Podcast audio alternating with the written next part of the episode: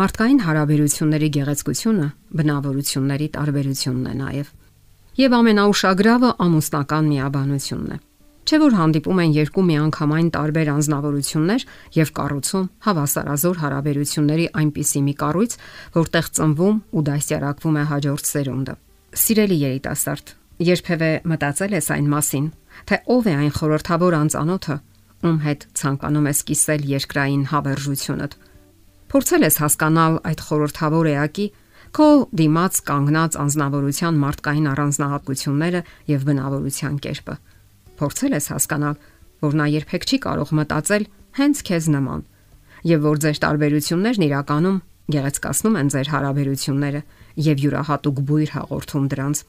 Այլապես կստացվի այնպես, որ դուք ցանկանում եք շփվել ձեզ նման անznավորության հետ կամ ինքներդ ձեզ հետ։ Իսկ ձեզ նման ուրիշ մեկը երբեք գոյություն չունի, որովհետև ձեզ նման միայն դուք եք։ Նախքան ամուսնական միություն կազմելը ավելի երկար պետք է մտորեք ձեր կյանքի մասին։ Ինչ է այն։ Սա կարևոր մոտեցում է, ողրզելու համար թե ինչ եք ցանկանում կյանքից եւ ամուսնությունից։ Արդյոք նայում եք ձեր կյանքին որպես միջակուն եւ առազգական նյութի, որի հետ կարող եք վարվել ձեր ուզած ձևով։ Իսկ ով պետք է լինի ձեր դիմացինը։ Արդյոք ձեր կրկնօրինակը։ Արդեն ասացինք, որ այդպես չի լինում, եւ դա երբեք հնարավոր չէ։ Նայեցեք կյանքին հենց մարդկային բնավորությունների տարբերությունների անկյան տակ եւ պատկերացրեք, որ հենց դա է գրավչություն հաղորդում կյանքին։ Անկալելով այդ գեղեցիկ ճշմարտությունը, դուք կզգաք, որ կյանքը ձեզ համար հիասքանչ մի արկած է, որի գլխավոր դերակատարներից մեկը հենց դուք եք։ Եվ նրա հետ կարող եք վարվել ըստ ձեր ցանկության ու կամքի։ Իսկ եթե ցանկանում եք ամուսնանալ, ապա այդ բեմականացման մեջ պետք է հայտնվի եւս մեկը՝ ձեր նման։ Իր ինքնատիպ խոհերով եւ ընկալումներով, ինչպես եւ դուք։ Իսկ թե ով կլինի նա, դա արդեն դուք եք որոշում։ Երբ դուք հասկանում եք ձեր տարբերությունները, ավելի թեթև եք շփվում միմյանց հետ։ Դա կարելի է անվանել երկկողմանի գործընթաց, ճանաչողական գործընթաց, որտեղ սովորում եք եւ սովորեցնում։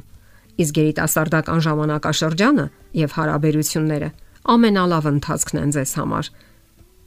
Այն եւ հրաշալի է եւ պատասխանատու։ Այնպես որ հիմա է ժամանակը փորձարկումների եւ սխալվելու։ Սխալներ, որոնց հիմքի վրա կկառուցեք ամուր եւ հուսալի հարաբերություններ, Որովհետև թեպետ տարբեր եք, սակայն ձգտում եք գնալ նույն նպատակներին եւ նույն ճանապարով։ Իսկ դա արդեն բավական է հետագա ամուր եւ հուսալի հարաբերություններ կառուցելու համար։ Եթե դուք գեղեցիկ հարաբերություններ եք ակնկալում, պետք է ստեղծագործական մոտեցում ունենաք ցանկացած հարցի լուծման դեպքում։ Հարաբերությունները ճիշտ ունի մեջ դնելու համար հարկավոր են երկկողմանի ջանքեր։ Դուք պետք է միասին քննարկեք, առաջարկեք տարբեր գաղափարներ Ինչպես եք տեսնում այս կամ այն հիմնախնդրի լուծումը։ Գրառեք բոլոր դեմ եւ կողմ տարբերակները։ Քննարկեք յուրաքանչյուր հարցի եւ լուծման տարբերակի դրական ու բացասական կողմերը։ Հաշվի առեք անհատական մոտեցումները, հոգեբանական եւ հոգեվոր առանձնահատկությունները, դաստիարակչական յուրահատկությունները։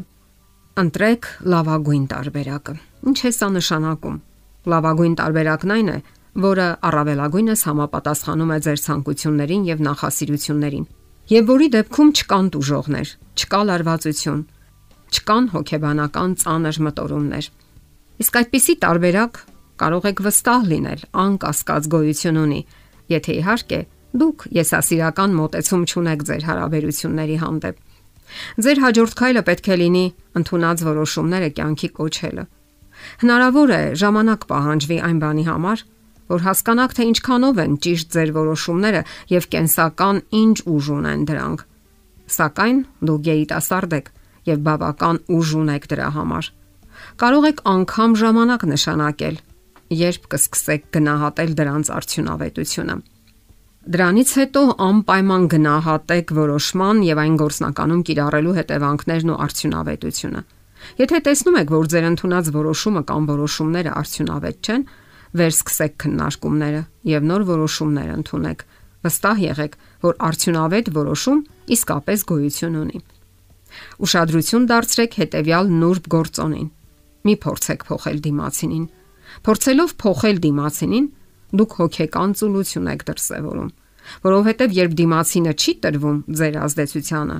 Դուք բողոքում եք նրանից,